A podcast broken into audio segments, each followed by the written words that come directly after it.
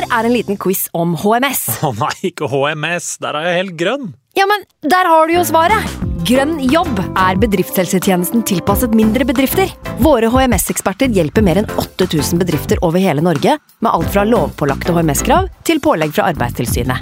Få på plass bedriftshelsetjeneste på grønnjobb.no. Hallo? Jeg kommer fra Oslo politikammer.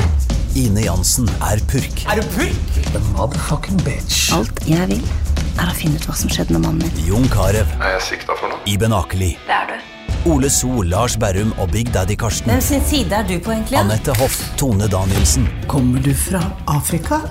Jørnis Josef, Nesten. Kløfta. Trond Espen Seim, Det er synd å si det, men det var feil mann som døde. Purk. Premiere tirsdag på TV2 Play. I can't believe it. Football, bloody hell.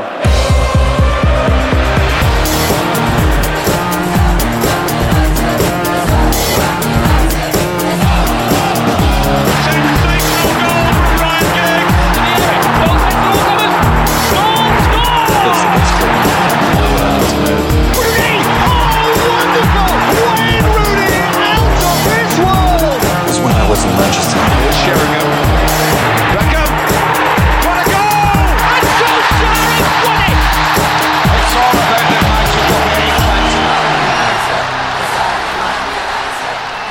Velkommen til en ny utgave av United We Podcast. Mitt navn det er Kenna Senus Nilsen. I dag så har jeg med meg United.no-redaktør Dag Langerød. Hallo, Dag. Godt å se deg igjen. Absolutt, takk for å være tilbake. Mats Arntzen fra VG er også med oss. Hallo, Mats. Hei sann. Hyggelig, ja, hyggelig å være hyggelig å se Dag igjen, som på en måte ga meg min første journalistjobb. Ja, for du har jo jobba i United.no. Stemmer, fikk litt mengdetrening og ja, jeg var ganske fersk da jeg fikk sjansen der, og så Det anbefales jo da å Det er fint karrieresteg, kan man si, da, på en måte. Å få jobbe mye under en god læremester, så han er på en måte min eh, Han er din mentor, din, din Yoda. Ja, egentlig. Jeg skal ikke dra det for langt, men jeg kan da, hvis mange lurer på hvordan du skal bli journalist i VG som han nå er, da, så kan jeg si at det som jeg la merke til med han, var jo at han var hadde vært veldig dyktig på skolen, og så skrev han tror jeg, skrev litt for en eller annen Nesodden eller et eller annet sånt, så litt erfaring og veldig god på skolen, eh, det var liksom det som ga han sjansen. da. Og så hadde han nok kommet inn og gjort det bra uansett, men veldig godt sånn eksempel til andre unge hoppefulle. altså Finn en liten sånn ekstrajobb, og være god på skolen. Men var det karakter, Så du rett og slett på karakterboka til Mats og tenkte at her er det faktisk noe han kan noe? jeg tror, altså jeg skal ikke si så veldig mye mer her, jeg, jeg føler allerede er langt inn i det som egentlig er sånn beskytta her, men uh, Mats kan jo si eventuelt litt sjøl, men jeg tror han hadde Vi kan si at han kanskje hadde over snittet karakterer. Ja, Så det kan lønne seg hvis man skal få jobb. Ja, Det kan ikke være noe kontroversielt å si det. Altså, det, må, det må være helt klart. Nei, det er helt fint. Det er jo bare bra for meg. Ja, ja, ja. Jeg bare lar det gå, jeg. Så, så, så det er bare fint, det. ja, hvorfor ikke? Eh, man skal være stolt av en ålreit karakterbok. Det er mye Absolutt. jobb som ligger bak det. Det er jo, jeg skryter gjerne, jeg, så det er bare deilig at andre sier det. Så det er liksom det jeg husker, da. Og så husker jeg at han øh, Jeg mener at han ganske tidlig fortalte at han skulle få en 75-tommers TV til å game på, og det har jeg ikke vært misunnelig på. Har du det nå? Nei, Det står hjemme på, i kjelleren hos eh, faren min, ja. Hos faren din, ja. ja for jeg har noe sånn 60-noe, og syns jo det er altså, det- Jeg kaller det beistet, liksom. 65 har jeg på i 35 kvadraten min. Ja, ikke sant? Så den, eh, den tar jo mye plass, den gjør jo det. Den gjør jo det, men det er jo- gjør jo nytta si også. Ja. Det er de tingene du husker her i livet. Det er det er, er, 75-tommer. liksom, er litt sånn Bruno Fernandes inn i et dårlig lag, på en måte, hvis du skjønner. Den tar vel liksom av veldig Ja. stor rolle, da, hvis du skjønner. Ja, ja, jeg er litt enig, sånn er min stue også bygd opp sånn, uten at vi skal snakke for mye om innredning her nå uh, i denne podkasten, men eh, jeg har en veldig, lite, veldig liten leilighet, og så har jeg en veldig stor TV, eh, så den tar på en måte opp en fjerdedel av hele leiligheten, så sånn sett er den Brun Fernandes i Manchester United på mange måter. Tror du vi har lyttere igjen nå etter den introen? Ah, vi får håpe det. Eh, vi kan jo prøve å svinge innom Det er nesten eh, hyggeligere å høre om det enn United akkurat, kanskje. Det er jo det. Nå skal vi snakke litt om hva Manchester United-spillerne har gjort i landslags... ja, det som vi kaller landslagspausen, men som rett og slett, som slett ikke er noen pause for dem. Som Svea kaller klubbpause. Klubbpause, ja. ja. Dag, du har fulgt litt ekstra med på landskampene. Det er jo delvis jobben din også, å se hva Manchester United-spillerne driver med.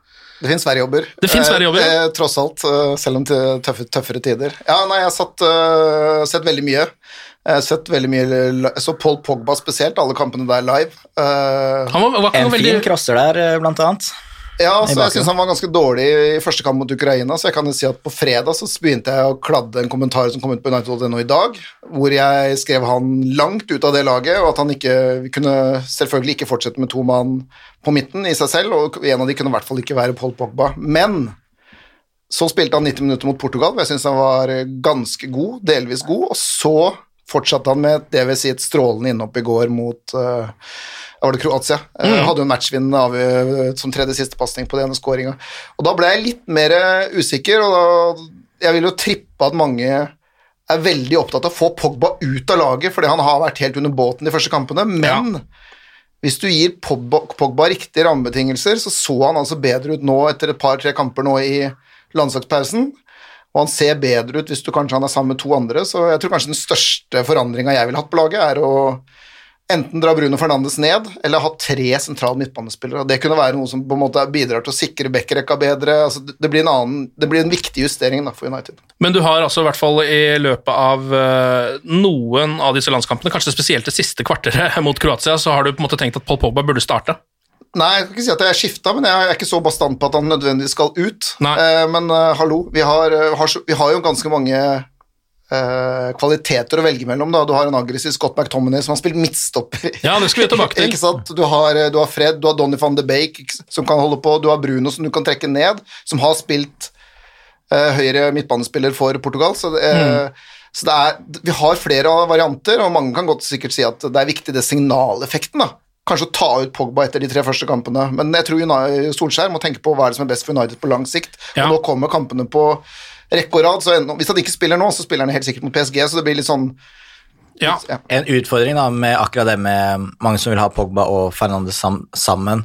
Um, så- altså Begge er to sånn type sånn offensive åttere, som David Silva De Bruyne har vært i City f.eks. Um, ehm, Når United i tillegg spiller med innoverkanter, at på en måte vinklene blir litt dårlige. Det er jo litt derfor Guardiola har hatt den varianten hvordan som han hadde tidligere, hvor Stirling og Sané lå på en måte ikke innover, men de lå veldig bredt, Mm.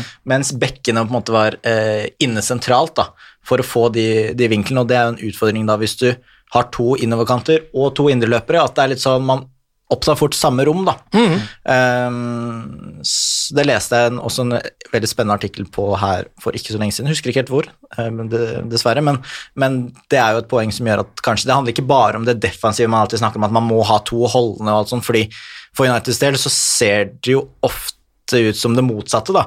At problemet er heller at de ikke er offensive nok, ikke at de sliter defensivt, selv om det var, et ganske hederlig unntak her. ja. Eh, hvis vi holder oss til eh, Frankrike, så eh, er jo Martial inne på laget igjen. Det er jo noen år siden sist han har spilt for Frankrike sånn delvis fast, som det virker som han nesten gjør nå. Han har spilt kant. Eh, Venstrekant, i hvert fall i den siste kampen her. Jeg vet ikke om han spilte han, han spilt spiss også, eller? Scholes var jo veldig skeptisk så jeg, for til at han har spilt spiss uh, i det hele tatt. At han liksom har lurt United-fans til å tro at han er en nier fordi han har skåret så mye mål. Og det er Kås Kås fire måneder etter at han sa at det var det her eh, Hver gang bare gi han ballen, så blir det mål, liksom, som Ja. spiss. Det, det er Jeg syns det var litt merkelig utsagn, egentlig, skal jeg være ærlig, men, uh, men eh, eh, han, han har jo kommet seg noe fryktelig, egentlig. Ja. Uh, selv om det ikke har fungert like bra for United i sesongstarten, og at han er inne igjen. Der er jo et veldig godt tegn på at det har gått i riktig retning for han. Da. Han var, var jo veldig god på slutten av sesongen i fjor. Jeg mener egentlig at Antony Marisal er noe av det minste vi trenger å være bekymra for, egentlig. Jeg syns han så i form ut i, eh, i de landskampene rett før serien også, så jeg tror på en måte han er blitt offer for et United som ikke har fungert på noen som helst måte. Da. Så selv om han har hatt noen dårlige touch og sånn, så blir det Hvis du er borti ballen ti ganger i løpet av 90 minutter, så Hadde et litt dårlig touch på Lamela der òg, som eh, Ja, ja. Det var kanskje hans verste touch. på Han er måter. ute uansett nå, da, i tre kamper, så Han er jo det. Eh, vi må jo komme tilbake til det også, hvem som skal ta den eh, plassen. Du var innom Donny van de Beek, eh, Dag. Han eh, putta mot Italia. eh, spilte vel 90 minutter også. Um, og er jo liksom sånn, han er, er jo en av de viktigste spillerne på det nederlandske landslaget. Um, og viser jo liksom kvalitetene sine også. Det er litt sånn jeg, Når du ser han spille for Nederland, så, sånn som det har vært med mange United-spillere når det ikke går bra, da, så er det liksom sånn litt frustrerende å se. For du ser å ja, det der er den spilleren vi har i vårt lag, uh, men han, for det første så vet vi ikke hvor vi skal bruke han. Uh, han spiller ikke så mye, og folk er fortsatt usikre på om han er et godt kjøp. Hva tenker du?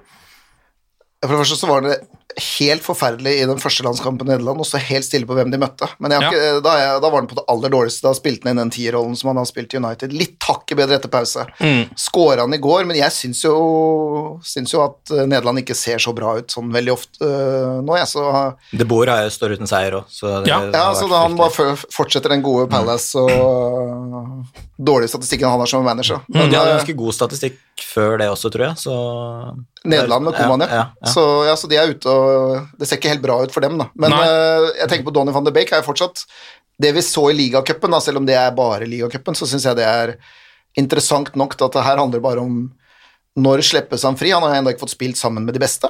Altså Det er jo én ting, og han har gjort det ok I hvert fall jeg vil si at kanskje han var god i den første kampen mot Luton, men det er Luton, da, så var han jo ok i den andre kampen. Og han er jeg helt sikker på at hvis du setter han inn i en annen type rolle enn den tieren, da, så vil han kunne også gjøre den rollen, da, for han har den rolleforståelsen fra Ajax-systemet. Han har jo vært sekser før og alt sånne ting. Men uh, det er grunn til å stille det samme spørsmålet vi gjorde, har gjort i den podkasten 14 ganger allerede, om Det er jo litt rart å kjøpe en spiller som bortimot spiller, kan spille i samme rolle som Bruno Fernandes og Ja, Hva tenkte du, Mats, da eh, United signerte Donny van de Beek? Nei, det er helt klart at det er en utfordring å få plass til både Pogba, van de Beek og Fernandes på midtbanen samtidig. Det er det ingen tvil om. Um, de, bør ha en mer holdende midtbanespiller, og Pogba er allerede litt sånn "Ah, Går det, eller går det ikke? Um, og så syns jeg det er interessant å se at eh, han ble overbevist fordi Solskjær har sagt at gode spillere kan eh, spille sammen, og Ja. at han føler seg veldig overbevist av det, og at Kavani også nå sier det samme. eh, At liksom praten med manageren overbeviste meg mer og mer, osv. Så, videre. så vet man jo at man skal ikke alltid stole på det som blir kommunisert gjennom klubben. Det er ikke sånn om liksom, nordkoreanerne har en god leder, selv om de Uten sammenligning for øvrig, må understrekes. Men sånn utad så er jo egentlig uttalelsene veldig positive da, til at de har tro på systemet, de har tro på at det er en plan, eh, osv. Mens på en måte det går noen andre rykter om at det ikke er sånn, da, som Bruno Fernandes senest var ute og avkreftet i dag, da, med at det ikke var murring med han og Solskjær osv. Og så har vi spilt 14 dager, da. Altså, dette kan, på alt det negative vi kommer tilbake til etterpå, da. Altså, vi har spilt 14 dager, og så skal vi liksom dømme om Donny van de Bake er godt kjøp eller ikke. Folk må roe seg ned. altså det er 14 dager med fotball er Og vi snakker liksom om at uh, hvordan skal dette gå og sånn, men vi skal spille kamper tre, hver tredje dag nå. Ja. Uh, han kommer til å få masse sjanser, og da handler det på en måte om å være god nok i de sjansene, og så handler det selvfølgelig fra trenerteam og Solskjær om å gi han de riktige sjansene, eller de riktige rammebetingelsene, sånn at på en måte han får en sjanse til å lykkes. Da. Men det Jeg kan ikke skjønne noe annet enn at han får det, og du nevnte jo Solskjær, det med jeg vet ikke hvor mange, om mange av dere som har møtt Solskjær, da, men altså, gang, alle gangene jeg sitter meg ned og prater med Solskjær Du går jo fra deg med to, to hoder høyere. Han har en sånn effekt, da. Altså, han husker hvem du er. Han, øh, hvis du skal treffe han, så vet han sikkert hvem Ken eller Mats eller hvem som helst er. da. Sjekka det på forhånd og sånn. Da, da er du plutselig ett hode høyere når du begynner samtalen. da. Kanskje svare litt på noe off the record-spørsmål og bare er hyggelig. da. Så det at folk har lyst til å spille for han, at folk kan bli overbevist av å prate med han, det er jeg ikke noe i tvil om i det hele tatt. og det er jo andre spillere som kunne komme til United i sommer, eh, uten å gå inn på navn, men det er jo mange, noen navn som er kjent, som hadde vært villige til å komme til United hvis ikke Glazers hadde satt ned foten for lønn og andre ting. ja. Det er vel S- S-navnet du skal inn på her, kanskje? Eh, nå tenker jeg ikke på S, men det kan jo være andre spillere som spiller i noen andre Storklubber. storklubber, uten at det, som har kobla veldig sterkt til United. Um, uh, vi må jo også Men Sancho, ja.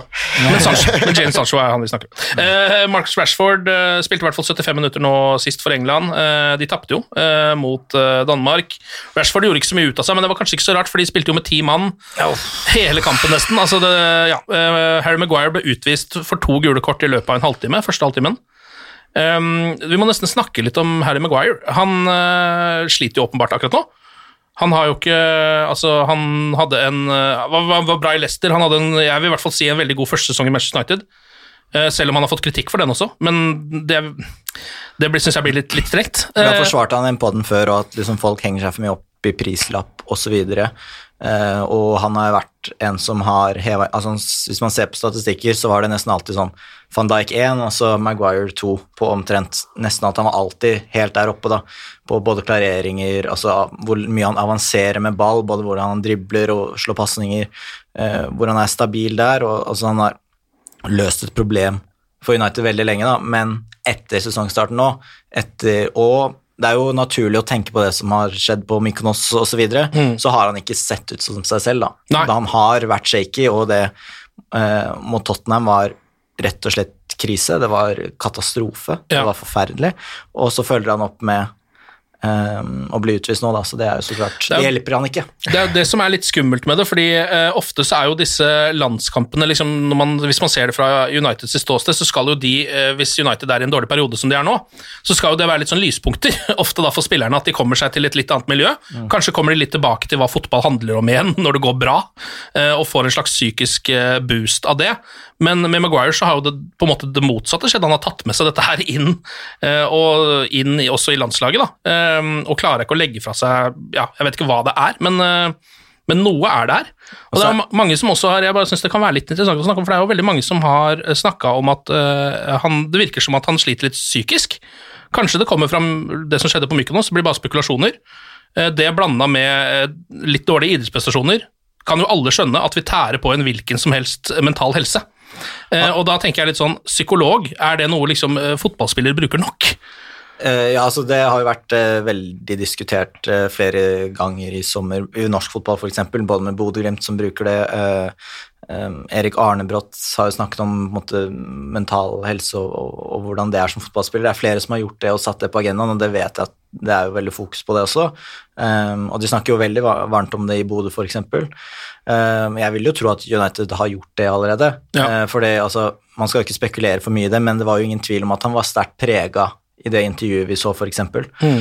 Eh, det var det ingen tvil om, og det sa han jo også selv. Og så har han ikke sett ut som seg selv, han har gjort på en måte feil som han ikke har pleid å gjøre, da. Sånn mot Tottenham når eh, eh, den der svake klareringen som, hvor han og Bailly Ja. spiller fotball, tennis der, og Ja. posisjoneringa Han river ned Shaw der på et tidspunkt. ja, det var, eh, Det var det jo ikke bra, også, og nå også så var jo, det var litt uheldig den ene, det er klønete og uheldig. Jeg så jo at Rio Ferdinand tvitra 'stay on your feet' eller Ja. et eller annet sånt. Han er jo ekspert på akkurat det. Ja. Men, men helt klart, som du sier, altså det, men det tror jeg jo også at de gjør, da, så det er jo De har jo har psykolog i Eller jeg vet ikke navnet på psykologen i United nå, men jeg vet i hvert fall navnet på den forrige psykologen i Manchester United, så de har psykolog, men i hvilken grad Det var Dr. Phil. Men i hvilken grad, i hvilken grad de bruker det, det, det vet jeg ikke. Men det som er viktig med Maguire, er jo bare hvordan får du den fotballspilleren tilbake til å bli sånn cirka sånn som Yes. han var i fjor? Eh, og da er det veldig mange nå som tydeligvis har fagbrev i psykologi, fordi de mener jo at han enten skal gjøres ditt eller datt, og jeg er helt uenig i det. Man kan godt snakke om at det er en signaleffekt igjen, da, med å ta ut Pogba, ta ut Maguire, bla, bla, bla, men hvis Harry Maguire, de rundt han, trenerteamet og Solskjær, altså de som kjenner Maguire, vet hva som trengs for han. Altså, de må sette seg ned med han og finne ut hva er riktig for deg, for at du raskest mulig blir god fotballspiller. Om det betyr at du står over mot Newcastle, PSG og får en uke og tenker på noe annet og er tilbake da, eller om du tar, tar en måned fri, for alt jeg vet. altså det kan ikke jeg si noe om. Altså, Nei. jeg kan godt sitte her og si at ja, jeg ville tatt han ut, og rent sportslig, sånn som Mats er, Mats er innpå her, så er jo så ville det vært veldig lett å ta han ut av laget, men uh, samtidig så har vi den del to av det der med å ta han ut av laget, så har ikke alle de andre bekkene midtstopperne vært så jævlig gode, det gjelder. Så, så vi, har, vi har en liten utfordring der, da. Men vi kan ikke sitte her og si at nå må han få en pause. Altså, det, det er ikke sikkert det har noe med Mykonos i det hele tatt. ikke sant? Vi har jo sagt det sjøl at det er spekulasjoner, så dette her er så omfattende. da. Eh, så da må, vi har én sjanse, og det er å håpe og tro at Solskjær, Maguire, trenertippet og de som er nærmest Maguire, da, sammen på en eller annen måte klarer å finne en løsning. Eh, Ja. Det er helt umulig å spekulere i, og jeg tror en viktig del av det også er jo da at man ikke bør spekulere for mye i det, men på generelt grunnlag så tror jeg at mental helse er litt undervurdert eh, i fotballen, og i hvert fall blant de som følger fotball. Ja.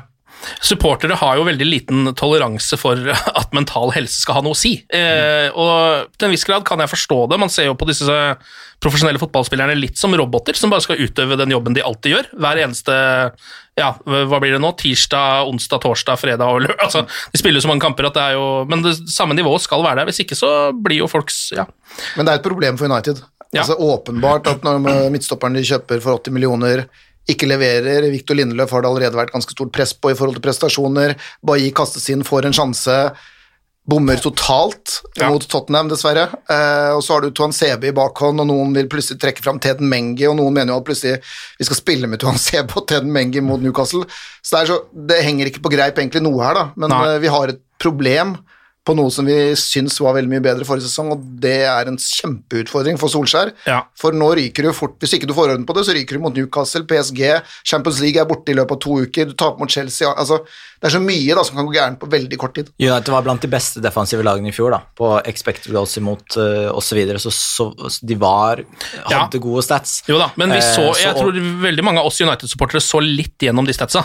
Eller jeg føler i hvert fall at jeg gjorde det, at jeg så et forsvar som ikke var så solid som det det kanskje var på papiret. da. Ja, men, men Ja, ja, så husker jeg det, Øyvind Eide sa det i en av de forrige episodene også, at eh, du kan se bak, og du kan alltid se at det var så vidt de klarte seg og sånne ting, men eh, Mats sa jo helt riktig. Altså, det var ingen flere lag som holdt nullen, og så var vi riktignok litt ekstra kamper i Europaligaen mot dårligere motstand og sånne ting, men når det gikk bra for United, som de gjorde fra bortimot 1. februar til eh, ut juli, så slapp vi nesten ikke inn mål. Eh, vi hadde vi slapp vel inn seks mål på 14 kamper på rad der, og litt sånne ting, og det var jo med egentlig akkurat det samme laget som spiller nå, ikke sant.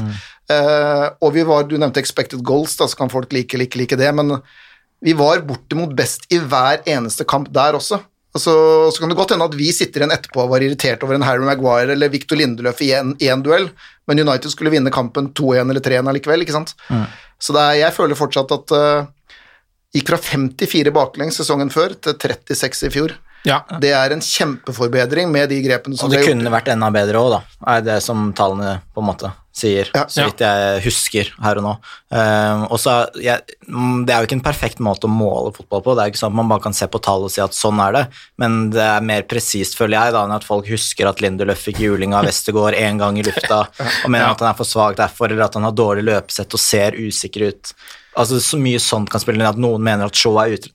Altså, alt det, da. Eh, Det er mye sånne ting som man sier, men at Uniteds forsvarsspill mot Tottenham var krise, det sier vel både øyetest og tall. Ja. Og Palace og Brighton. Ja, ja. Eh, Så det har ikke sett bra ut nå. Det, Nei. Og så du, kan du legge til liksom på slutten av forrige sesong, da, det som gjorde at det liksom, ting endra seg litt fra fansens side, det var jo at du hadde jo FA Cup-semifinalen mot Chelsea, hvor de rota litt. rann. Vi var for sein på Lindeløf som var for sein på Giroud på første stolpe der, og Ja. litt sånne ting. Og så hadde du den Sevilla-kampen, eh, hvor de hadde Sevilla i én sjanse i andre omgang, mener jeg. Mm. Og det var eh, Men da var eh, vi på etterskudd og så helt stille om det var Lindeløf eller om det var Maguire eller helt hvem det var der. det var vel det litt vriene innlegget som skifta i retning, og så snek han seg bak ryggen, mener jeg husker. Ja. Var det ikke det? Jo, noe sånt. Ja. Ikke sant? Men det, det som skjedde, i hvert fall fra Uniteds side United skal ha ny midtstopper neste år. Det har jeg fått bekrefta. Det var det som sto på listene til United. Derfor Det har ikke vært aktuelt å få en midtstopper fra United. Og så nå skal, når jeg sier det har ikke vært aktuelt, alt kan jo endre seg. Altså Hadde en eller annen spiller vært tilgjengelig som United ville ha, så kan det endre seg, ikke sant. Men Men United det- skulle ha det neste sommer. Eh, jeg vil tippe at uh, Upamecano står, han har vært kobla litt, han står høyt der, sånn, så får vi se om United er i posisjon til det. Men det er det som har United har jobba etter, og det er på en måte den langsiktige planlegginga. Og den endra seg ikke fordi vi mente at det ene eller andre var litt dårlig. De, forholdt seg til at de klarte å få kontroll på defensiven forrige sesong. Og så kommer vi da til ligastart nå, og så er det skikkelig dårlig, og så tenker liksom fansen bare faen, nå må dere få tak i den stopperen, ikke sant, og så får det enda mer kritikk, da. Men den langsiktige planen, og jeg liker jo egentlig at United har langsiktige planer, tross alt. Uh, nå, selvfølgelig så er det veldig feil at de ikke klarte å få tak i det førstemann på den langsiktige planen. Yes. Men altså, det var i hvert fall at du skulle ha midtstopper neste år, at det var andre posisjoner som skulle forsterkes nå, da. Men det er en vrien oppgave der. Da. Ja, ja. Fansen kritiserer hvis man kaster penger, og fansen kritiserer hvis man ikke bruker penger, og man blir gjort til latter hvis man bruker altfor mye. Altså. Uh, hvor stor oppgradering er Sancho da, for eksempel? Skal han rett inn på høyrekant? Så klart en oppgradering, men Maguire er også en oppgradering, og folk, det er mange som er misfornøyd med det. Ja. Eh, når man snakker om stats, så er jo da United det nest verste laget på, i år defensivt på expected goals, kun slått av West Bromwich, og de har spilt en kamp mindre. Ja. Eh, Det er bare ett lag som har sluppet inn mer også, det er West Bromwich. Ja. Eh, og de har United, som sagt, har en kamp mindre. Så det er liksom Det er ikke, det er ikke supert, det heller. Og også før det røde kortet så så det heller ikke bra ut. Og selv da de på, på en måte prøvde å sette inn to de, litt defensive midtbanespillere og mure litt igjen, da så virka ikke det heller. Tottenham skapte fortsatt sjanser. Flere enn noen gang. Ja, det var jo dårlig Eller jeg hadde 6-1 i store sjanser til Tottenham når Marcial ble utvist. Mm. Men det skal sies at det var 2-1 i sjanser til 22. minutt, og så kom det fire bare bang, bang, bang, Ja bang. Mm. Og så ble det rødt kort, og så bare bang, bang igjen, og så var det game over, da. Og så var det dårlig kampledelse, syns jeg, fra Solskjær. Slash spillerne, slash trenerapparatet. Det var ingen som tok ansvar ute på banen, og det virka ikke som det var så mange som prøvde å endre på noe ute på banen heller. Nei. Eh, Og det, er var for jo, dårlig. Ja, det var jo også full altså, konsentrasjonssvikt og ansvarsfraskrivelse, egentlig, fra f- opptil flere parter. Så det er jo en sånn kollektiv svikt, rett og slett, hvor nesten ingen kan liksom ta den derre 'du var verst, du var verst, det er din skyld, Ole Gunnar'. Altså, det var bare totalt kaos, alt sammen. En, en, en ting som er litt interessant, da, med tanke på vi, at det vi snakka om med mental og sånn, for å igjen dra den Glimt-parallellen, så har jo de to kapteiner. Ulrik Saltnes og Patrick Harp, de deler kapteinsansvaret. Ehm, og jeg har pratet med de der, og de sier at hvis ikke jeg er i mental stand til å på en måte takle meg selv, da, hvordan skal jeg da på en måte takle å stå og være et forbilde og lede for alle andre? Så det handler om at man selv blir enig om hvem som føler liksom at de er skikka til å gjøre det. Det hender jo at man har en dårlig dag, det hender at man har en dårlig Ja. uke. Og det kan man jo også se på, eksempel, ja, sånn som Harry Maguire mot uh, Tottenham, da, i den, uh, en av de aller første duellene i matchen, hvor han prøver å gå opp i Kane, nesten ved midtbanen der, og det ender opp med et frispark som blir slått gjennom på sånn, og så er det mål. Eh, og der virker det som at Maguire på en måte liksom overkompenserer litt, fordi at han nå går det ikke så bra, så nå skal jeg fankeren meg gå litt sånn ut, altså nå, nå går jeg så hardt inn og så høyt opp her, uh, at, eh, at jeg, ja, han tar jo en så stor sjanse at det ender opp med mål imot, da. Kunne jo endt opp med at han brøt, og det ble kjempebra, det. Uh, Men han liksom, ja, man begynner vel å ta noen av de eh, Prøver å overkompensere litt da, når det ikke alt går som det skal. Og så når det 1-0-mål kommer, og man vet hvordan Tottenham er, et lag som tross alt ikke er så gode mot etablert forsvar. Altså Nesten alle målene de har skåret, har vært Kontringer. Ja, det har vært Kane gjennom til Son, og det har vært eh, så, så, Og når det målet da kommer, da, så er det jo fryktelig irriterende eh, for United-fans å se på at det er liksom en kampplan man kunne knekt ut hjemme i sofaen, er bare unngå det der. Og så skjer det så tidlig. Jeg så kikka før i dag på hvordan, hva gjorde sir Alex den gangen vi røyk 6-1 eh, mot City? Murt igjen, vel? Ja, han var fem endringer til neste kamp. Jeg tror Ferdinand var ute med skade, eller én var ute med skade. Så var fire som han, han gjorde fire endringer, pluss én som var pga. skade. Så det var fem endringer til neste kamp, og så vant de 1-0. Og de vant jo plutselig da 1-0 i Nå generaliserer jeg det, men noen, Det var seks-syv kamper på ja, sånn, mm. en rekke bare med 1-0-seiere, da. Så de begynte med å stenge en baker, så derfor er jeg veldig spent på nå Solskjær. Den der endringa, vi begynte å snakke litt om taktikk og sånn, men jeg synes, tenker også liksom Utfordringen er at han får én dag med gutta! Det er jo helt håpløst på Ja. grunn av de der håpløse landslagspausene. Som En- attpåtil har en kamp ekstra. én kamp ekstra, ja, selv om noen av United-spillerne kanskje hadde, behov for, eller hadde kanskje behov for det. da, McTominay må jo komme tilbake, i hvert fall, hvert fall Pogba spilte seg jo i bedre form, virka det som. Kanskje, ikke Spilte sant? seg opp, i hvert fall. Ja, så, men, men i hvert fall det er veldig liten tid til å gjøre store endringer, men jeg tenkte kanskje på en fem Man må legge om til en 5-3-2, da, hvor du har tre stoppere mot Joe Linton og han, øh, han andre spissen som er Callum Wilson på Newcastle. Så kaster Telles inn bare rett ut i det på wingback, bruker Shaw inn som stopper siden det fungerte bra i fjor. Aron van Bissaka skal stoppe Alain Sant Maximin, Maximin, og så kjører du tre sentralt, og så tar du på det derre Rashford som kan jukse på kanten, dytt den inn i midten med Greenwood, så klarer vi oss uten Cavani og altså, gjøre et eller annet sånt, da. Ja. Så er det fortsatt mange av de samme spillerne, men du vil fortsatt egentlig ha rista opp i hele greiene likevel, da. Cavani er vel heller ikke spilleklar, og det var vel den forrige gangen, siden vi sammenligner med det, så var det vel da United hadde den litt freshe diamanten hvor Cleverley og Andersen Yes. storspilte, mener jeg, og de vant 4-0 og 5-0, og og så kom den smellen, da. Men forskjellen på den kampen og, og denne var jo at da kom det tre mål på slutten, etter at Fletcher reduserte og United fikk et håp. Ja. Eh, nå var det motsatt. Nå, altså, nå var Tottenham knallgode før det røde kortet og burde nesten skåret flere av målene sine 11 mot 11. Ja. Det var nesten bedre 11 mot 11 enn 11 mot 10.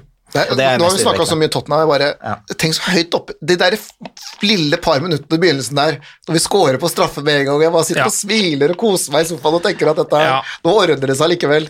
Ja, nei, det er, det er den verste altså Den kampen der er, tror jeg er den verste United-kampen jeg har sett. Altså jeg, som jeg kan huske nå, da.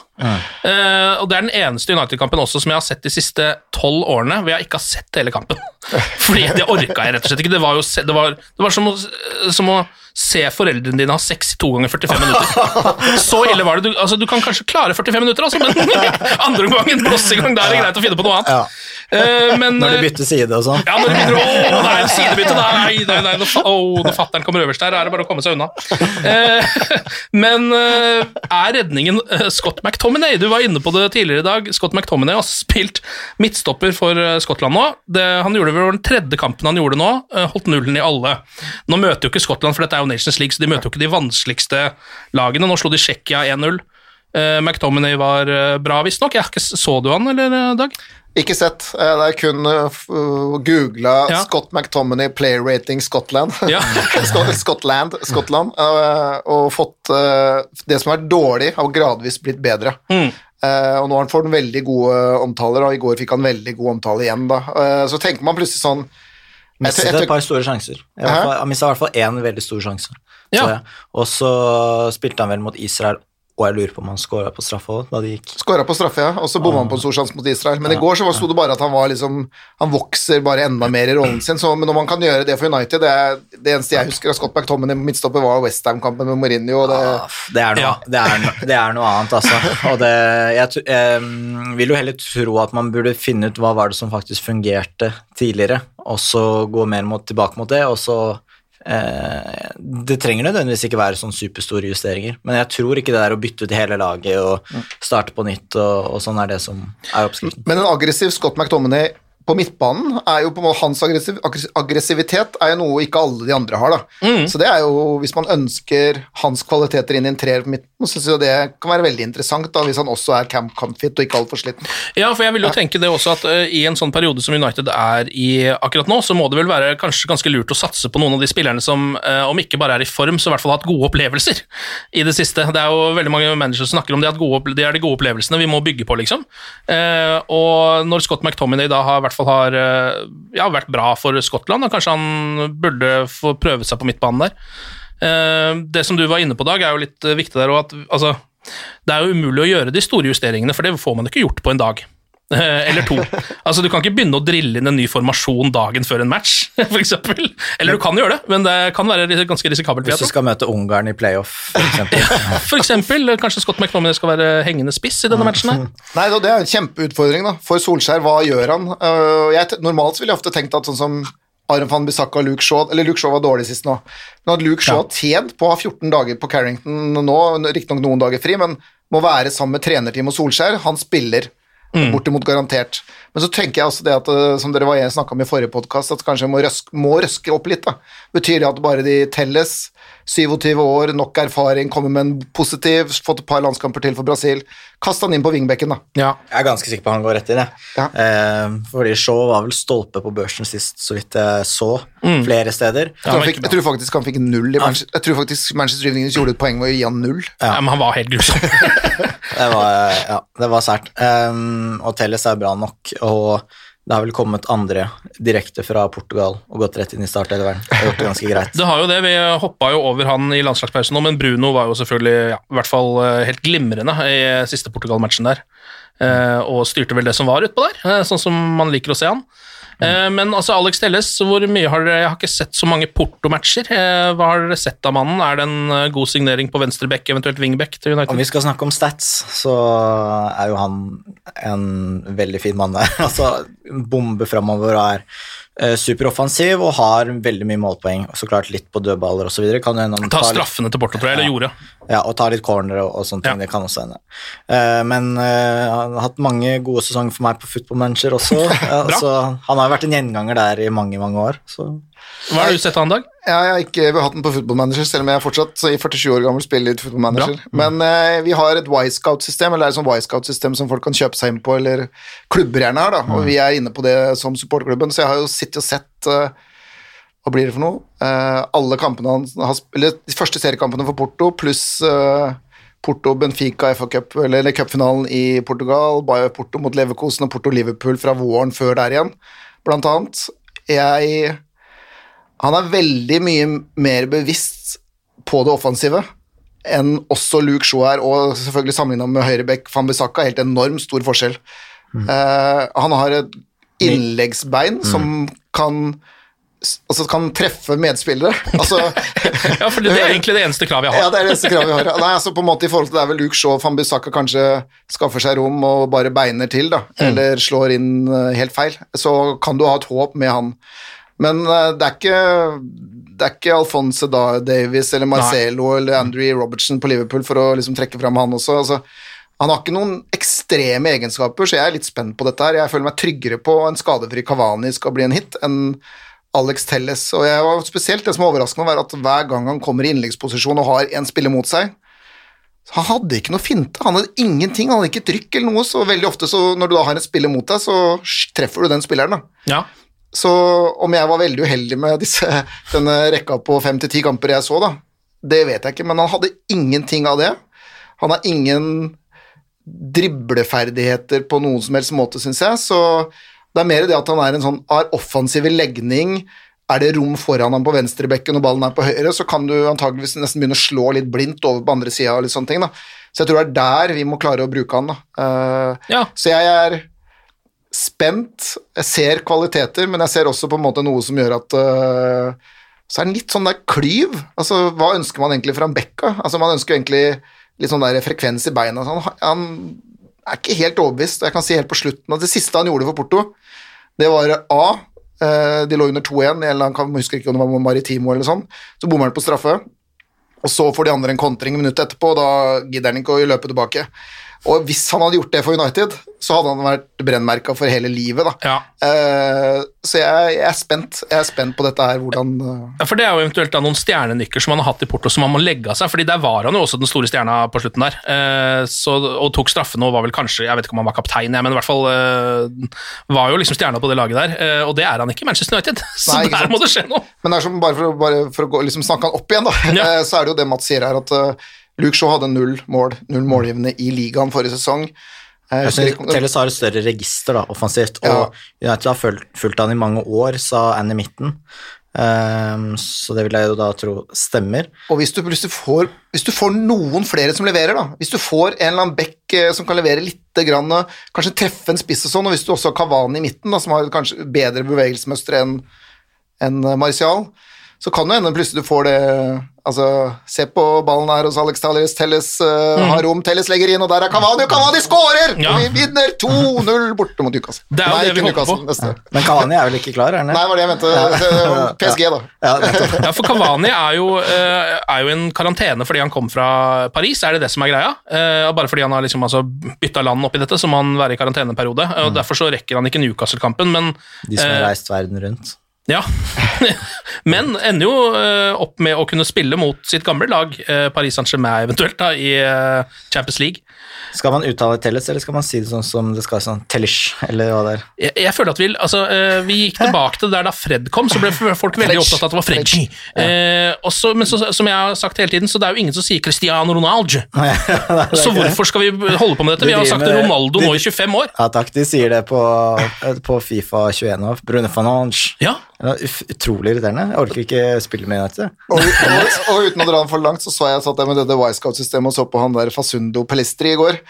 Og da han, han har jo stum S, han ifølge uruguayansk TV. Oh, ja, Pelitri. Pelistri, eller et eller annet sånt, da. En eller annen variant av det, så hører liksom ikke S-en, så jeg ble plutselig helt satt ut. Men Var så var det men så også en Libertadores Cup-kamp borte, og da var det S igjen, så Nei, jeg vet ikke. Jeg tror vi sier Pelistri og Fred og Telles. Fernandes. ja la oss gjøre det. Men Hva har du sett av Pelistri i dag? For det er en spiller jeg ikke vet noen ting om. For det første, Hvor spiller han på banen? Hva slags type er det?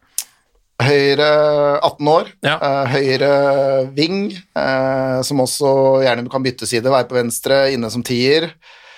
Eh, dette har jeg ikke skrevet på United ennå, men det beste jeg kan si om han, og det beste jeg kan, det er at han, han løper på akkurat samme måte som Lionel Messi.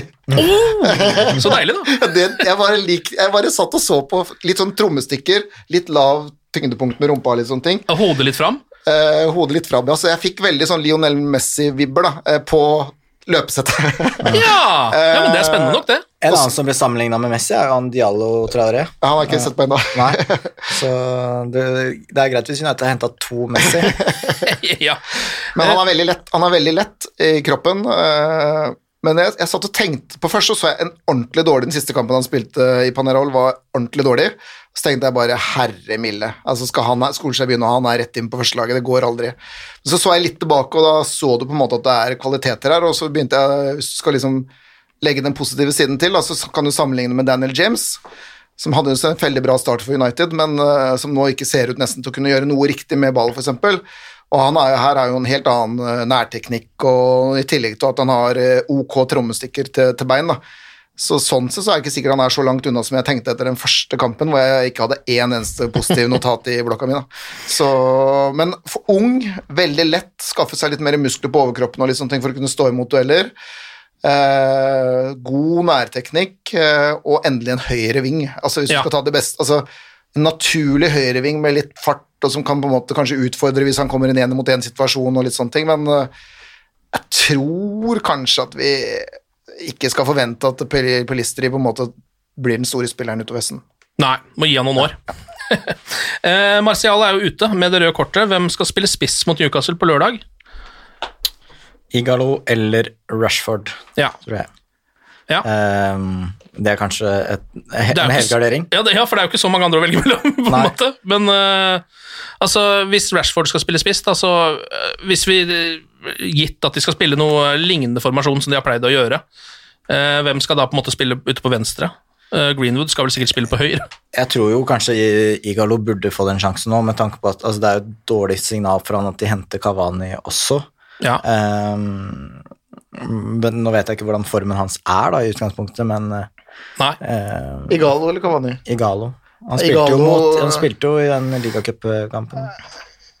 Ja. Kommer ikke til å spille før i Nei, jeg tror ikke han kommer til å spille mer enn være innbytter i her og der i ti minutter for United, basert på det jeg har hørt. da. Nei. Altså, det er en grunn til at Cavani ble henta, det er jo at Igalo ikke har øh, Igalo har blitt dårligere. Igalo har blitt alderen sin, øh, dessverre. Altså, så Igalo var, er ikke nå den spilleren han var i mars, selv når han har vært her en måned. Derfor var det United gikk og kjøpte Cavani. Mm. Eh, De måtte oppgradere den eh, posisjonen der. Så kunne man jo sagt at hvis Sancho kom, så kunne jo han gått inn på høyre, og så kunne man jo hatt Greenwood eller altså bytta litt på på en annen måte, men eh, det er derfor Cavani ble henta helt på slutten. Sancho kom ikke, og da måtte de ha noe annet, for det Igalo er ikke god nok. Så jeg, jeg tror jeg, skal, jeg jeg skal komme inn her og legge meg flat neste gang hvis han spiller mot Newcastle, men Og mm. gudene vet, kanskje han har fått kommet i kjempeform i løpet av de siste to ukene, men nei. eh, kan aldri se at han starter, så det blir en eller annen variant av Greenwood Rashford, men men du spurte om hvem som skal spille i tillegg. Det er derfor jeg på en måte kanskje føler vi kunne løst litt med å Ja, må satt en 5-3-2, ja. Denne 5-3-2, da. Uh, Kan jo også se om Kan jo hende han pælmer Telles rett inn på venstre kant også, da. Du jo aldri. ja, for Daniel James, nå så jeg ikke Wales-kampen hans sist. Han var visst si. ikke bra, har jeg lest, i hvert fall. Nei, og vi har jo sett Daniel James over litt tid nå, så det Selv om Newcastle kanskje Kanskje de tror at de kan slå United, og at det kan bli litt rom, men jeg, jeg føler jeg mange ganger nå har sittet og tenkt på at nå møter vi et lag som kanskje har lyst til å angripe, og så kan Daniel James få litt rom, men likevel så funker det ikke, da. Så det, men det, så det eneste måtte være, er jo kanskje er, Har Juan Mata etter to uker Eller to, brukbar form i ligacupkampene, to uker med trening på Carrington, en større stjerne internt i den gruppa der eh, enn det vi gir han ære for. Sånn at måte, hvis han skal fortsette 4-2-3-en, at han setter inn Mata på høyre kant, og så bruker du en variant av Rashford og Greenwood og bytter litt, bytte litt på. Sånn, Ja. så, så ganske likt ellers, men kanskje bytte et par navn. Syns ikke det høres så dumt ut. Jeg, altså, det var jo lavere nivå selvfølgelig i ligacupen, men jeg syns jo eh, Mata var jo helt oppe på det nivået han kan være. Altså, der var han, han var kjempegod. syns jeg, I den kampen her gjorde nesten ingen feil. Det er en grunn til at han er verdensmester og Champions League-vinner, ikke sant. Så det, Ja. det har noe med form er, eller kvalitet, hva er det? Form is temporary. Class is permanent. Ja, det er det de sier. Veldig klokt sagt. Uh, all right, da, Vi får håpe på det beste da, eh, mot uh, Newcastle på lørdag. Det er jo en must win-kamp for United. Det vil alle kamper være fram til de vinner. Akkurat nå. Ja, jeg tenker jo at den Jeg er villig til å ofre PSG, da, for jeg tenkt litt videre. Ja. Det er viktigere at det funker mot Newcastle, og at vi tar tre poeng og får en ok prestasjon. Og at uh, da er det viktigere for meg at egentlig vi tar vare på det som funker der, og la det, det på en måte skal så skinne igjen mot Chelsea uka etter. da. Og så får- mener jeg nesten at vi kan ofre PSG, altså det vil si at de nest beste kan spille mot PSG, eller de som trenger det, og litt sånne ting. For det er så utrolig viktig å få tre, først tre poeng mot Newcastle, så tre poeng mot Chelsea. Og så er det jo Leipzig-kampen som kommer liksom der igjen, da. Vil jo avgjøre om Vi Ja, går videre i Champions League, da, Og det er jo det som på en måte er altså, eh, Leipzig blir jo Uniteds det laget United må slå i Champions League. Altså Hvis vi tenker at PSG skal ta den gruppa sånn som det ser ut nå, så eh, er de såpass mye bedre enn Manchester United at det, det burde de gjøre. Mm. og Derfor er det jo ikke noe vits i å eh, bruke opp en masse energi og spillere eh, på en sånn kamp når det egentlig er Leipzig-kampen de må vinne, da. Av de, de kampene der. Hvis man må plukke, og i det programmet her så må man plukke, tror jeg. Man må plukke noen kamper som man skal vinne, og andre som kanskje ikke er så farlige. Det er jo um, Uansett hva man mener eller ikke, så er det en grunn til at bookene har Solskjær som favoritt til å være den neste som får sparken. Ja. Det er en grunn til det. Uh, og de har press på seg etter å ha tapt 1-6 mot Tottenham. Uh, nå er det Newcastle borte, det er PSG borte, det er Chelsea hjemme, det er Leipzig hjemme, det er Arsenal hjemme. Bashak Shihir borte, Everton borte. Før neste landslagspause. Men Ja. jeg, jeg tror at det, De det overlever vi. Altså på en måte, Det kommer, det, det kommer til å øke presset. Men se på de neste kampene etterpå, hvis du har fortsatt en oppe. Ja. For da er det nemlig mener West Bromwich, hjemme. Westham og Southampton eller noe sånt i løpet av Ja, Basakshir, Southampton, PSG, Westham. ja. Og hvis vi Ja. da gjør det middels eller litt dårlig nå, og så begynner å tape mot West Bromwich eller Westham rett etter neste landslagspause, og plutselig er det i 1. desember cirka da, kanskje ute av Champions League og ikke har fått orden på dette her, da, da brenner det. Da Ja. tror jeg vi snakker at det kan være alvorlig. Og, og hvor mye forståelse har eiere osv. da som på en måte kanskje har gitt eh, signal om at de og de skal få komme, og så satt ned foten allikevel, da. Hvor mye forståelse har de for at ting tar tid, og at de eventuelt hvem sin skyld det er, da. Om det er manager eller direktør eller Ja. hva man enn måtte mene. Nei, så er det ingen tvil om at det er press på Solskjær nå, og det er større press enn det har vært på veldig, veldig lenge. Ja, og Og er kanskje ikke aldri vært større heller. en slags skjebnemåned. Ja, Det var kanskje en liten periode. rett City og Tottenham, Ja. så trodde Ja. vel de fleste at de var ferdig i fjor. Ja. Eh, fordi at de kom til å tape mot City og Tottenham, trodde de jo. det stemmer. Eh, Men, eh, men jeg vil liksom påpeke det er sånn Veldig mange av de hva heter det for noe, dommedagsprofetiene våre nå, de handler jo om at ting skal fortsette å gå til helvete. Men med Solskjær så har vi stort sett alltid klart å snu trøblete tider. Da. Eh, vi skal vi legge til det der med at vi var best i Premier League. og den krisa og det presset Solskjær har på seg nå, det er etter fire tap på 30 kamper som manager. Det er på en måte helheten, da. Men så er det selvfølgelig tre dårlige prestasjoner nå i starten av sesongen. Men det er liksom det der med å se helheten og perspektivet. Det mener jeg at vi kan gjøre nå, og jeg mener også at vi kan legge på en måte se grunner til at det går dårlig. Men vi kan ikke for evig snakke om denne sommeren som ikke ble noe av.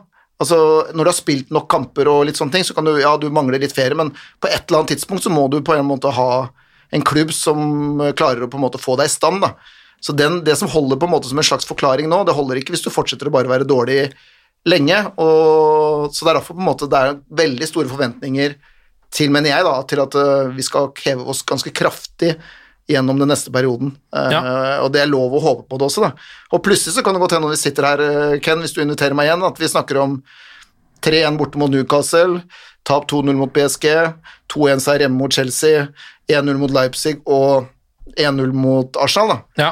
Det, jeg, vil ikke bli helt sjokkert over det heller, eh, hvis du tenker på hvor toppnivået er. Absolutt ikke, Men, men samtidig så vil du ikke bli sjokkert over det motsatte ellers. Motsatt heller så det er den vippegreiene som gjør at du som supporter er veldig i hvert fall jeg er kjempenervøs, og så er det mange som sier at de håper just nesten det går dårlig fordi Solskjær skal få sparken, men jeg syns det er Altså, Vi kan ikke unne United-supportere å tape, da. Det, det, det, det syns jeg det er klart, det, er klart eh, det kan gå bra, og det, historikken, historisk sett så har det gått bra etter at det har gått dårlig. Det er, sånn har det vært hele veien, men det hjelper jo heller ikke at Pochettino er ledig, og at folk snakker og, Nei. og så videre.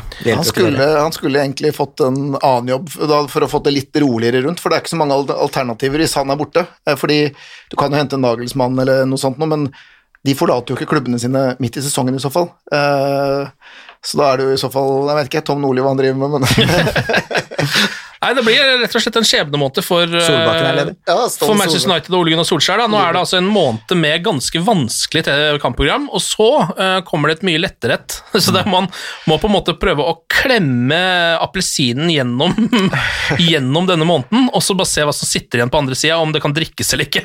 Får bare Ja. håpe at det kan det.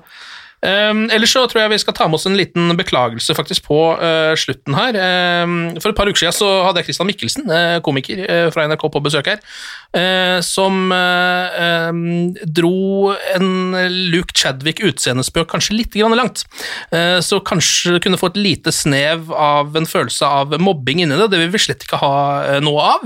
Eh, Så en beklagelse fra meg som redaktør eh, for United We Podcast, litt på vegne av Christian og egentlig hele, hele programmet. Det skal vi satse på at aldri skjer igjen, egentlig. Det er vel måten å si det på. Eh, ok, gutter. Vi får håpe da på tre poeng mot Newcastle. Da tror jeg plutselig vi begynner å snakke, skjønner du. Jeg tror ikke det skal så mye til her før dette her skipet plutselig snur. Ah, den kampen der blir for spennende, den. Jeg beklager, jeg bare visste at tårene mine sto rett opp når du begynte å snakke Ja. om det positive. Da, så Den bare- lørdagen der er jo uansett uh, fotballmessig veldig kul. Åh, det er jo Super Saturday. Altså, vi har uh, Mercyside Merseyside Derby den dagen. Mm. Uh, vi er, har Arsenal City, eller City Arsenal, husker ikke hvilken rekkefølge. Mm. United Newcastle, og så er det også Inter Milan. Altså, det her er en grei dag. City, Liv nei, Everton, Liverpool 7-1. Eh, Ja, Arsenal. Altså, det, det Merseyside Derby blir jo jæskla spennende. Altså, for en gangs skyld så er det liksom ikke Så ligger ikke spenninga knytta til hvor mange røde kort Everton får. Det ligger faktisk i om de kanskje klarer å slå Liverpool, for en gangs skyld. Mm. det er for dere som eh, driver en eh, side som heter United.no, og har en podkast som heter United Weed Podcast, hvordan var den typ følelsen av at United først tapte 1-6, og så tapte Liverpools 2-7 rett etterpå? Det, um, Og hvor viktig var det med tanke på det, det hjalp bitte lite, bitte lite grann. På 1-0 så kom 14-åringen løpende ned ja, For da jeg fortsatt og skrev da, på United.no. Så var det på 1-0 så ropte bare 14 og leder Aston Villa, så ble det vel 2-0, ble det ikke det også? Nå leder de 2-0.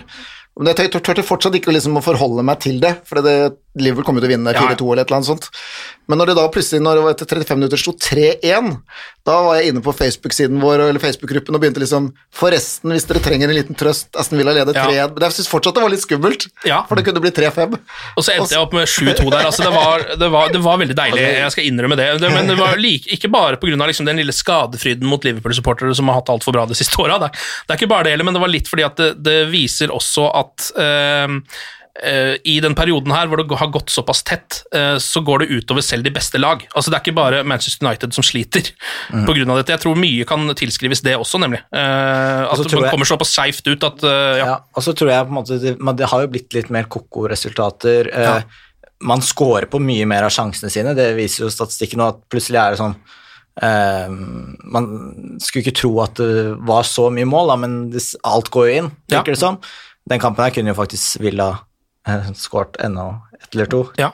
Watkins hadde en mista den med keeper, hadde en i tverrliggeren osv. Uh, men jeg tror ikke Liverpool skal gjøre om alt, fordi de, de, de tapte De skal ikke leve opp til 5-3-2. så det går an å huske på det òg, da. Det går an å huske på det òg. Men det er som du sier, ikke bare ta det der med dette er, dette er kjent for de som følger veldig godt med, men altså Uniteds ligastart var dårlig. Men United City og Wolverhampton, altså tre av de kanskje sju beste lagene i England, uh, har vunnet fire av ti kamper denne sesongen her. Ja. Bayern München hadde 32 kamper uten tap, så taper de 4-1 mot Hoffenheim. Eh, Lyon, som var i Champions League-semifinalen, og trekker fram altså lag som kom langt i august, og på en måte fikk ødelagt ferie og tidlig seriestart. Lyon har vunnet én kamp av seks.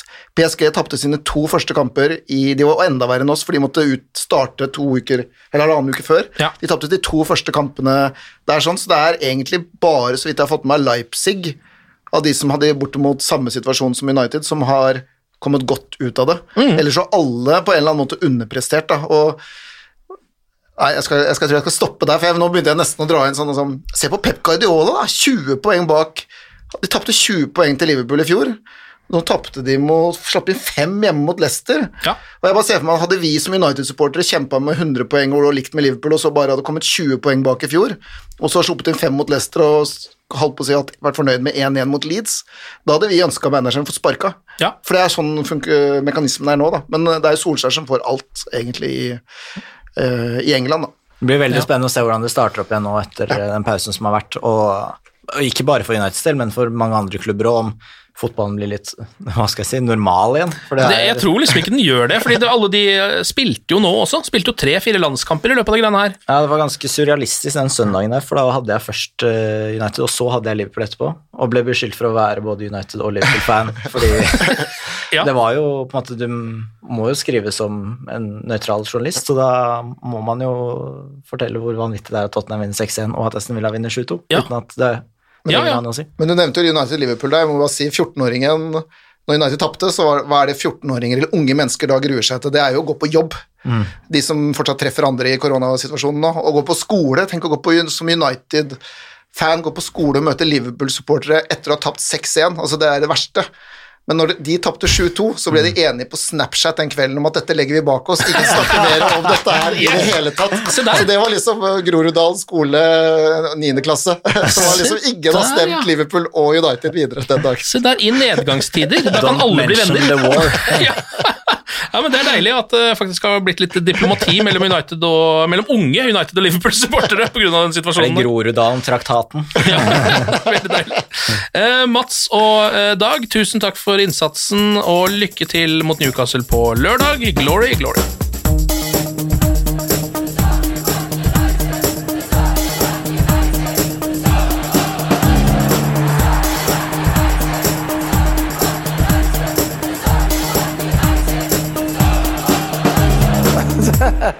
Oh, it's true. I've seen many things. Moderne media.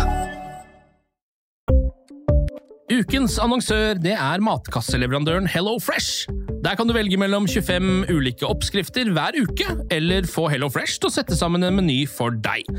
Jeg sparer tid på å handle, oppskriftene er veldig enkle å lage, og så får jeg akkurat det jeg trenger da, til hver eneste rett, så jeg slipper å kaste så mye mat som jeg vanligvis gjør. Det er også litt deilig å faktisk slippe å gå på butikken, ikke bare fordi det er tidkrevende og sånn, men fordi man ender opp med å kjøpe så mye greier som man egentlig ikke trenger, sånn som fire poser eh, Smash og en kick med havsalt, eksempel. Det er ikke det du egentlig er der for, du er der for å kjøpe, kjøpe middag. Så det er en veldig eh, kjekk ting. I tillegg så er det jo eh, ferdigporsjonerte ingredienser, det blir mindre matsvinn, og du betaler bare for det du faktisk trenger, og det du faktisk da spiser. I tillegg så blir det da levert på døra til et eh, fastsatt tidspunkt, sånn at du kan få det akkurat når det passer for deg eh, sjæl. Hvis Hello Fresh høres ut som noe for deg, så har jeg en rabattkode du kan bruke også. Gå inn på hellofresh.no og bruk koden HelloUnited24.